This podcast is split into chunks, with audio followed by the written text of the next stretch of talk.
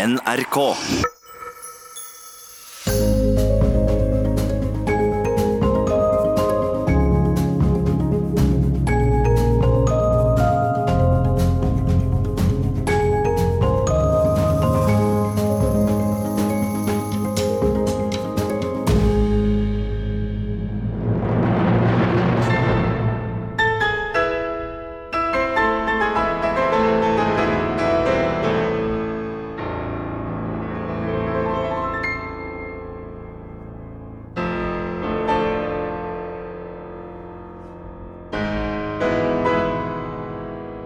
Kjære Vinter i P2-lyttere. Foran mikrofonen sitter jeg, Kjell Bernø, 81 år gammel, musikkentusiast, manager og følgesvenn for han som spilte disse velkjente pianoakkordene. Mange av dere har hørt dem før. Ja, det var de seks første taktene av Griegs pianokonsert.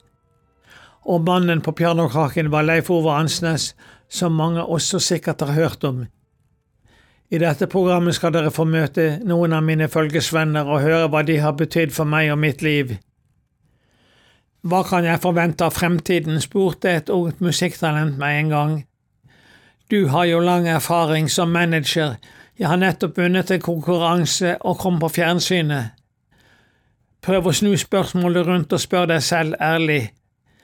Hva kan fremtiden forvente av meg, var mitt svar.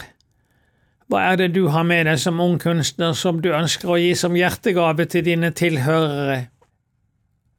Det er selvsagt fint å bli presentert på fjernsynet, men det blir mørkt når lyskasterne slukkes. Men hvis du har lyskraft i spillet ditt, blir du sett selv om lyskasterne er slukket. Det er kunstnere med denne lyskraften vi som samarbeider med kunstnere er opptatt av. Du har historier å fortelle, historier som kan berøre dine tilhørere. Smak litt på dette ordet tilhører. Dere tilhører hverandre. I 1986 hadde jeg startet det første internasjonale artistmanagementet i Norge for unge norske musikere. Leif Ove Ansnes og cellisten Truls Mørk var blant de første unge musikere jeg begynte å arbeide for, og etter hvert kom flere til. For tre år siden hadde arkivet fra denne virksomheten vokst til over 20 hyllemeter med arkivpermer fra mer enn 3000 konsertengasjementer i inn- og utland. Permene var oppstilt på skrøpelige hyller på kontoret mitt. En dag knakk hele stasen sammen, og som en takras flommet permene utover gulvet. Den første permen jeg plukket opp var fra 1989, året da cellisten Truls Mørk som første nordmann debuterte på den berømte BBC Proms-festivalen i London i Royal Albert Hall. Som solist med Oslo Filharmoniske Orkester, ledet av Maris Janssons. På samme turné var pianisten Ansnes solist på Edinburgh-festivalen. For både han og Mørk ble dette starten på store internasjonale karrierer, en eventyrreise også jeg har fått være med på. Jeg hadde ikke samvittighet til å dumpe arkivet i en avfallscontainer og la det gå opp i røyk. I Norsk musikksamling på Nasjonalbiblioteket i Oslo ble det julekveldsstemning da jeg viste dem permene fra 1989, med kontraktene og korrespondansen rundt disse konsertene i Edinburgh og London.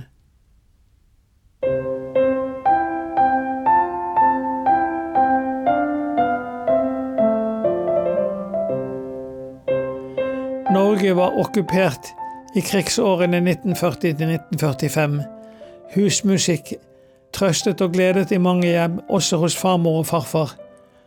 Hun hadde en vakker sangstemme, og han var en god fiolinist. For en seksåring i 1944 var besøkene hos farmor og farfar så eventyrpreget. I et gammelt hollandsk skap var det en skuff med spennende innhold for barn. Der lå stjernekikkerten, kaleidoskopet med alle stjernene inni. Når jeg holdt kikkerten opp mot lyset og dreide den rundt, så jeg stadig nye og fargerike stjernebilder. Jeg dreier på stjernekikkerten og ser farmor for meg. Hun sitter ved pianoet med min lillesøster på fanget og synger om Vesle-Kari, sangen med alle de spennende ordene å smake på for en seksåring. Når jeg ser et vakkert bunadsbelte med perler i mange farger, tenker jeg på Vesle-Kari, som lokka en kari fra Hallingdal med sale og med hest, og med syltknapper vest, med gullstav av håret med sprotabelte på.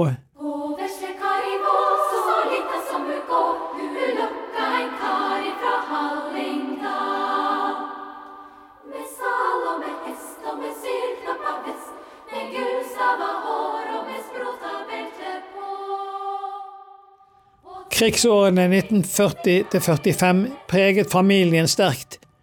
Min fars yngre bror Andreas var engasjert i freds- og motstandsarbeid. Våren 1944 ble han arrestert av Gestapo, det nazistiske sikkerhetspolitiet, og brakt til forhør i deres hovedkvarter i Bergen. Andreas hadde hørt om andre som hadde blitt utsatt for rå behandling. For ikke å røpe hva han visste om motstandsarbeidet og nettverket han var en del av, tok han konsekvensen av det. I et ubevoktet øyeblikk fikk han åpnet et vindu i forhørsrommet i tredje etasje og kastet seg ut. Han levde noen timer etter fallet, men forble taus om hva han visste. Begravelsen måtte skje i dypeste stillhet, var kravet fra Gestapo. Mor og far visste råd med å skåne familiens yngste. På de svarte blendingsgardinene på barneværelset hadde mor og far klistret stjerner av sølvpapir. Kunne vi ikke se de virkelige stjernene til kvelds og nattehimmelen, skulle vi i alle fall se stjerner skinne inne. Twinkle, twinkle, little star, how I wonder what you are, var en sang vi tidlig lærte. En marsdag i 1945 forsvant far fra Bergen.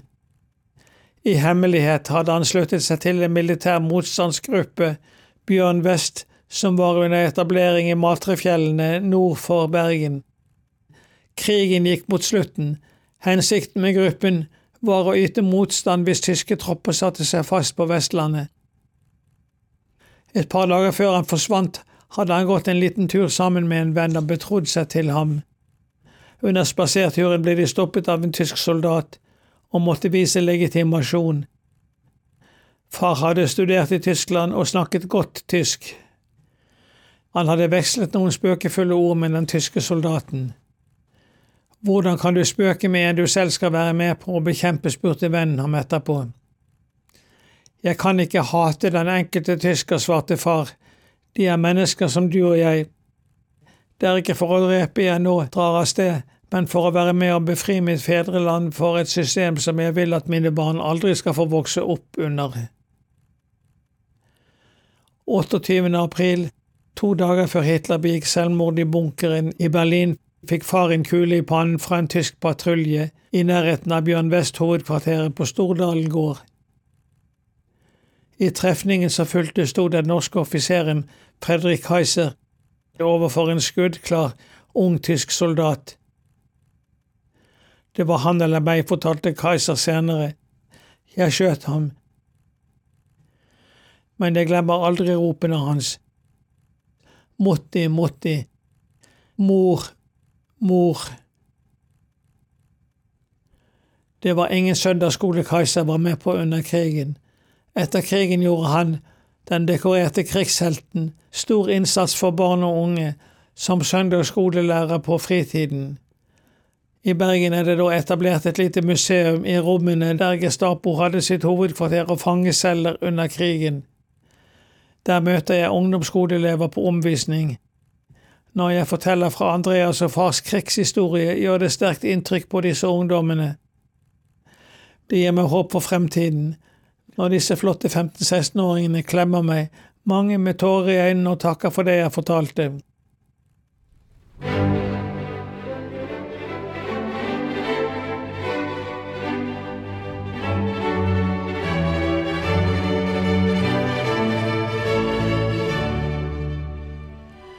Som barn gikk teppet tidlig opp for meg for en ny og merkelig verden.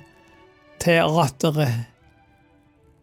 Den forventningsfulle summingen i teatersalen mens musikere stemmer instrumentene sine. Der farer sceneteppet i været. I Stjernekikkerten ser jeg Ludvig Holbergs komediefigurer med Per Aabel i spissen myldre over scenen mens orkesteret fyrer av musikken. Tolv år gammel fikk jeg selv mine første spilletimer på fiolin, og den ble siden en god følgesvenn gjennom livet. Senere ble fiolinen byttet ut med bratsj. Spillegleden fikk utløp i samspill med andre. Norge har mange gode amatørorkestre, flere av dem meget gamle. Samspillet folk imellom, i orkesteret, kor og korps, har vært viktig lim mellom menneskene i samfunnet vårt, men også viktig for utviklingen av norsk musikklivs bredde og omfang. Antakelig var fremføringen av oratoriet Messias lørdag 22. april 2014 i Nærbø en lokalhistorisk storhending. 275 år etter at komponisten Georg Friedrich Händel komponerte dette storverket, ble det for første gang framført på Jæren. Som et interkommunalt samarbeidstiltak mellom kulturskolene i Hå og Klepp kommuner. Profesjonelle musikere og sangere og amatører i alderen 14 til 83 år sto for dette kjempeløftet.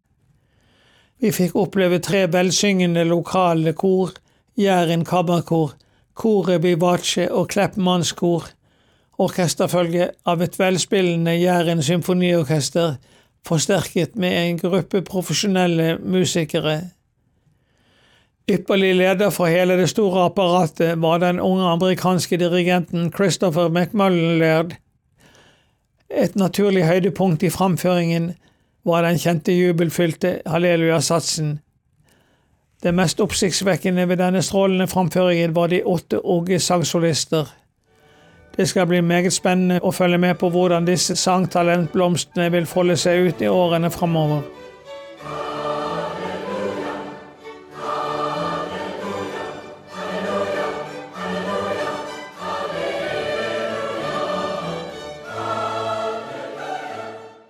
At superrike Norge nå har et vitalt musikkliv, med kommunale musikkskoler og høyere musikkutdannelse, har dype røtter i det som spirte i kulturåkeren etter krigen, mye takket være innsatsene fra amatørmusikklivet selv.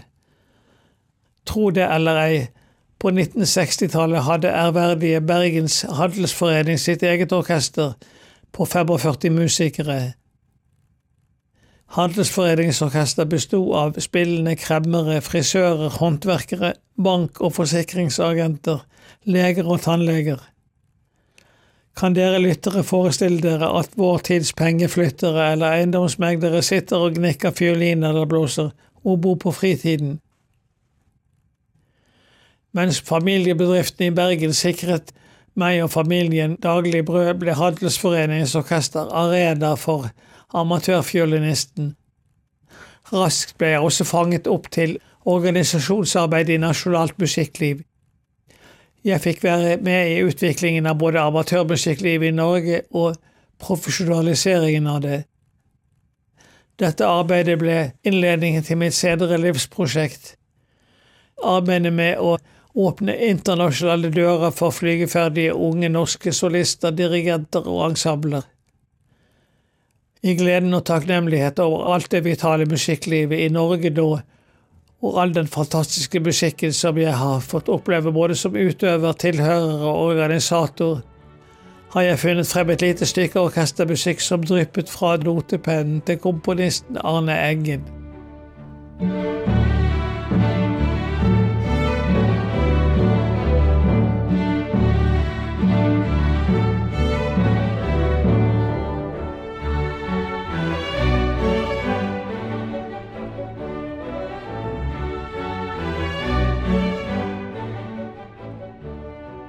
I den daglige tidsklemmen gjør mange sitt beste for å rekke over mest mulig på kortest mulig tid. Kanskje også å klemme inn en rask løpetur eller litt konsentrert pes på treningssenteret. Ambisiøse amatører har Birken eller Skarverennet som arena. Kampen om sekundene mellom de profesjonelle, de med løpetid på Tour de Ski og med TV i hælene, har sine virtuelle følgere i sofakroken eller på sosiale medier. Jeg hadde bare ekte følgere til en nyttårsfrokost. Blåbær. Ristet brød med blåbærsyltetøy. Smak av store, fullmodne, søte blåbær vekker opplevelsen til live. Solvarm høstdag, klar fjelluft, duft av lyng, risling av bær i bærplukkeren. Med øynene lukket er jeg tilbake på blåbærstedet, et sted langs Rallarveien mellom Finse og Myrdal.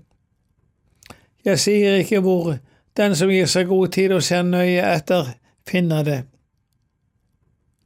Jeg sto og plukket i en bratt skråning med bare hodet så vidt synlig over veikanten. Med et svusj for to terrengsyklister forbi og ble borte like fort som de kom. Så kom enda en i full fart nedover den humpete veien. Med et kort sideblikk møtte øynene hans mine. Det pep i bremser og skrapende sykkeldekk mot veigrusen. Han kom løpende og ropte. Har du ramla av sykkelen din? Trenger du hjelp? Så oppfattet han hva jeg holdt på med. Og plukker du bare blåbær? Er det blåbær her oppe da, så høyt til fjells, undret han. Han raspet med seg noen bær og så seg rundt et øyeblikk. Nei, har ikke tid å prate med deg, må ta igjen de to kompisene mine. Vi har satset på å sette ny pers fra Finse og ned til Flom i dag. Bare blåbær og sykle i sånn fint vær, vet du. Ha det. Så hev han seg på sykkelen, og vekk var han. Blåbærene mine og jeg tok det mer med ro. Vi hadde ikke sånn hastverk. Hvem av de tre syklistene som kom først i mål og vant førsteprisen, vet jeg ikke. Blåbærene og jeg kom også i mål, og jeg priset bærene og fjellturen ved nyttårsfrokosten.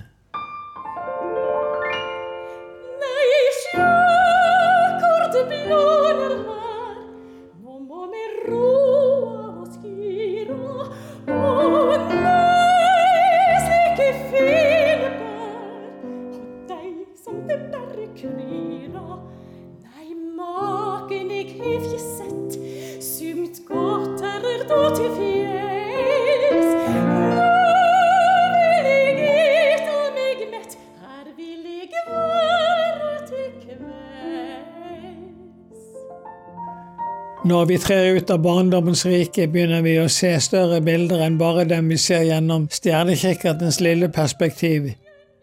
Stjernene begynner å lyse opp verden rundt oss og for oss. Dere som følger meg på denne vintervandringen, har sikkert noen ganger opplevd denne spesielle følelsen av at nå, akkurat nå, skjer det noe helt spesielt. Et møte med et annet menneske, et bilde, en musikkopplevelse noe som angår oss personlig. For ti år siden møtte jeg for første gang en ekte eldre bror. Han hadde den gang fylt 80. Vi hadde aldri truffet hverandre tidligere. Ikke så rart, forresten. Vi er ikke i familie. Og som pensjonist hadde Richard, som han het, slått seg ned i landsbyen Randorgo i Kenya, praktisk talt på ekvator, litt nord for Victoriasjøen der han hadde vokst opp og hadde sin eiendom.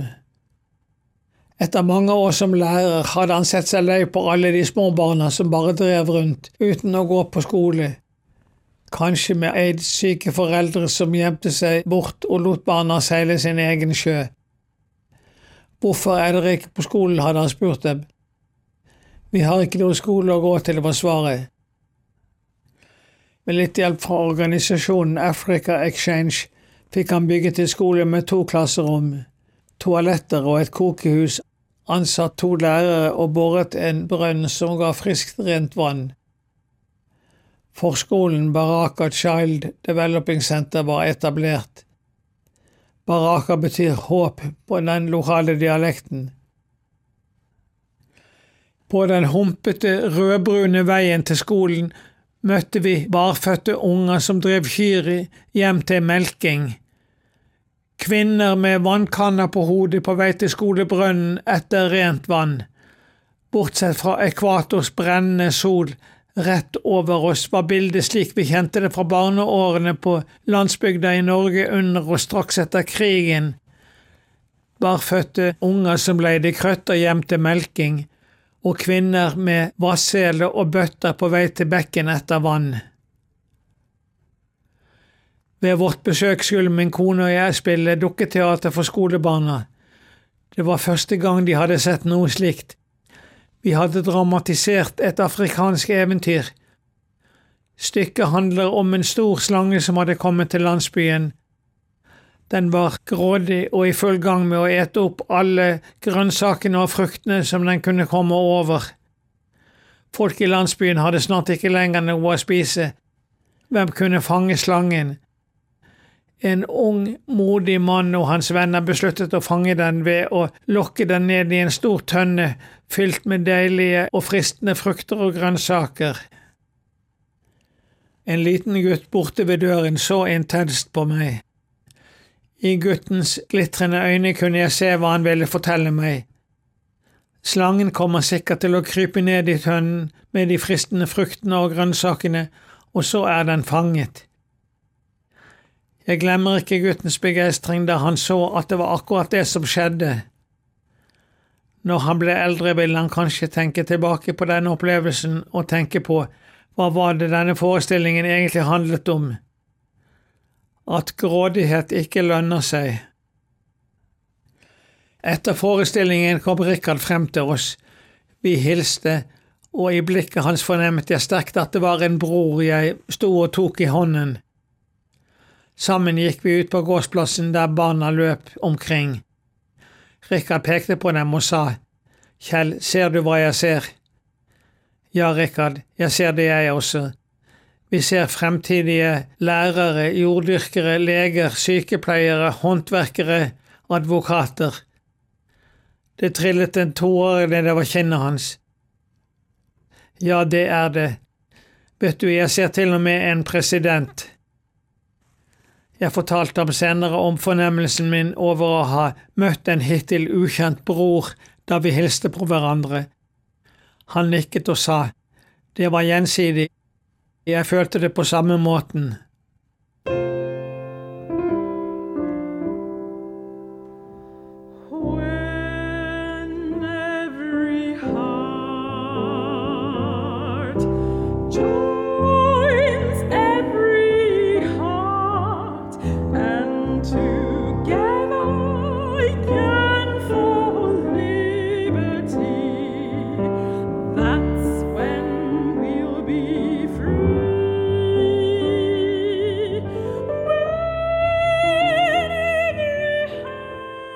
Historien begynner egentlig med Rikards datter Råda, som vi her hørte sammen med pianisten Geir Botnen i Oscar Petersons Hymn to Freedom. Rådas foreldre opplevde tidlig at datteren hadde vakker sangstemme.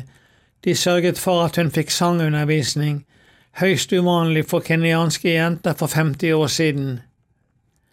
Hun ble med tiden en kjent prisbelønnet sangerinne Livet førte henne til Norge, og i 1999 arrangerte jeg hennes debutkonsert i universitetets aula i Oslo. Hun ville gjerne at den lille skolen som hennes far hadde opprettet skulle fylles med sang og musikk, og inviterte oss til å hjelpe henne med dette. I 2011 ble min kone jeg valgt inn i skolestyret. Gjennom årene er det blitt mange gjensyn med Rikard og den lille skolen. Han døde på forsommeren i år, 90 år gammel, og vi besøkte ham før han døde. Vi har holdt dukketeaterkurs for barna, de får lage enkle hånddukker og spille for hverandre. I Norge har vi etablert en støttegruppe som samler inn midler til driften av skolen. Flere av mine musikerfølgesvenner har gitt støttekonserter til inntekt for skolen. Våren 2014 sto et Kenya-besøk for døren.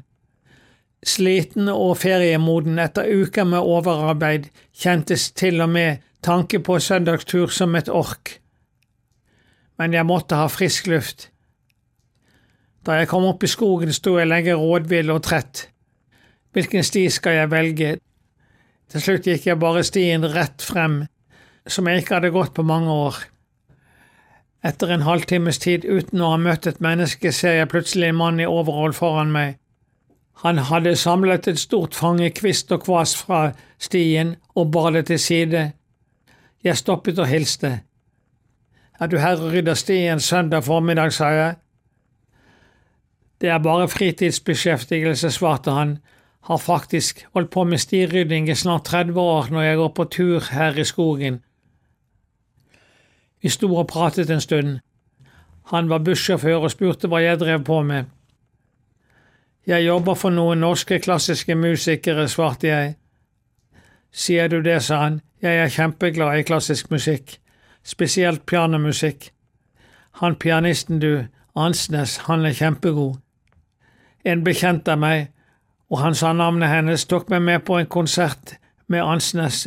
Det var et sted oppe i Masfjorden i fjor høst. Til inntekt for en skole nede i Afrika. Konserten var utrolig flott, du kjenner kanskje Ansnes. Jeg ble stående som fjetret. Jeg har samarbeidet med Ansnes i snart 30 år, svarte jeg, og det var jeg som arrangerte den konserten. Den var til inntekt for en liten landsbyforskole i Kenya. Pengene gikk til å skaffe skolen en bil. Min kone og jeg skal av gårde til denne skolen allerede på tirsdag, og hun som tok deg med på konserten er faktisk en god bekjent av meg også, og en god kunstmaler forresten, sa jeg. Han så like fjetret ut som meg, kjenner du òg henne? Hun hadde utstilling nylig. Jeg var invitert til åpningen, men var opptatt med kjøring den dagen. Kjøpte faktisk et av hennes bilder noen dager senere, svarte han. Det gjorde jeg også, utbrøt jeg. Jeg var også invitert til åpningen og kjøpte et bilde. Hvilket bilde kjøpte du? spurte han.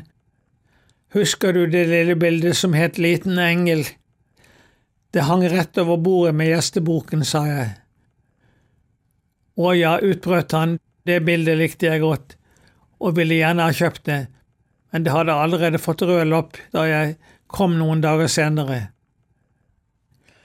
Mannen stakk hånden i overallommen og trakk opp en 500-kroneseddel.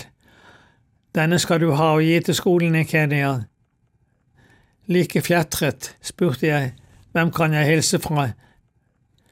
Disse 500 kronene er nesten en månedslønn for en lærer på skolen der. Du kan hilse fra Sverre, kjekt å møte deg. Gå forsiktig videre, det er glatt på stien litt lenger fremme, og god tur til Kenya. Etter en stund hørte jeg perlende jentelatter et eller annet sted fra i nærheten. Jeg stoppet. Var det kanskje noen småengler som lo etter å ha skøyet med oss to der nede i skogen fremfor å høre på Sankt Peters søndagspreken? Latteren kom nærmere. Så var det bare to unge jenter som kom springende. Hei på deg, ropte de og sprutet ut i latter da de sprang forbi meg, og vekk flagret de som to sommerfugler.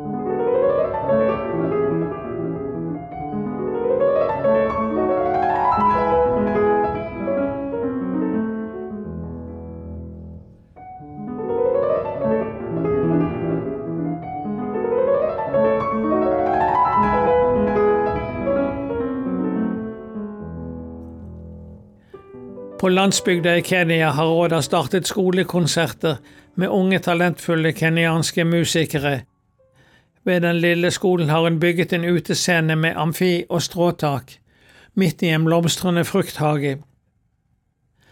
En vårdag i april ble hagen åpnet med prosesjon av landsbyens barn og en forrykende festkonsert. Til innledning 40 fem-seksåringer kommer inn på scenen, de setter seg ned, med hver sin håndklokke stemt i forskjellige toner. Noen har xylofoner foran seg, andre igjen har bambusrør i ulik lengde som gir ulik tonehøyde når man slår på dem. Musikklæreren, dirigenten, kommer frem, bukker til publikum og presenterer Baraka Engleorkester, og straks er barnas ivrige hender i gang med åpningsnummeret på festkonserten.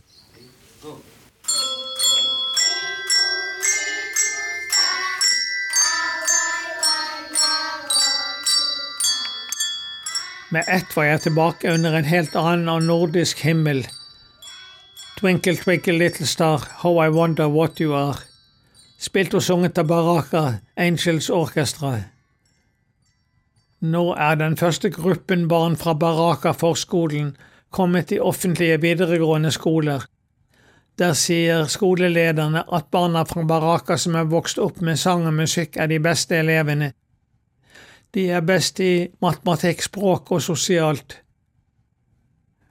Etter en konsert under Lofoten pianofestival 2016 ble, var et skilt ved en avkjørsel på Lofotveien. Smeden i Sund sto det på skiltet, dit måtte jeg. Smeden i Sund ble han kalt Hans Gjertsen, som hadde opparbeidet seg ry som kunstsmed.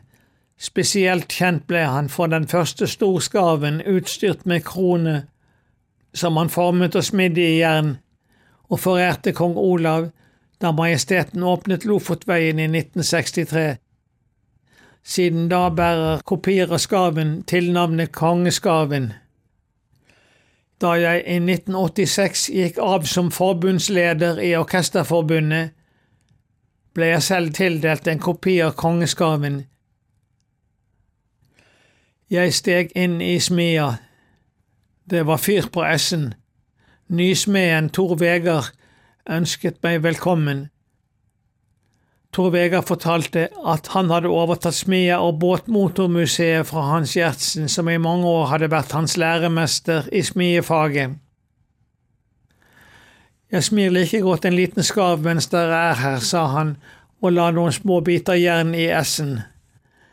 Snart grep han en av de hvitglødende jernbitene med smietangen og la det på smiebenken, etter velplasserte hammerslag vokste det frem noe som lignet en fuglevinge med fjærmønster, og snart etter lå også den andre vingen til avkjøling ved siden av den første.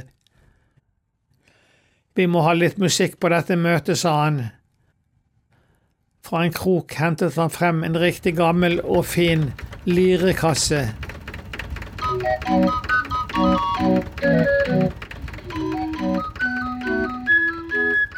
akkompagnert av luftsuset fra S-en og de taktfaste utpustene fra en semidieselmotor i nabohuset, fylte smeden sveiving på lirekassen smien med sprø toner fra en tid som for lengst var forbi. I dagene som fulgte, fikk jeg ikke denne opplevelsen ut av kroppen. Hva var det som hadde skjerpet min oppmerksomhet der i smia og berørt meg så personlig?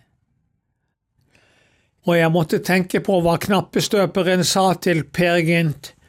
Mester slenger ikke vekk som rent udugelikt, hva dersom råstoff kan blive brugelikt. Det er jo smed og dikter jeg har vært, ikke bare tilskuer og tilhører. Alt som jeg har båret med meg, alle følgesvennene mine som har stått meg bi, og alle jeg har arbeidet sammen med.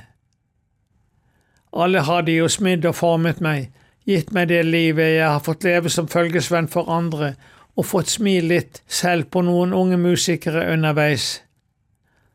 Takk for godt følge.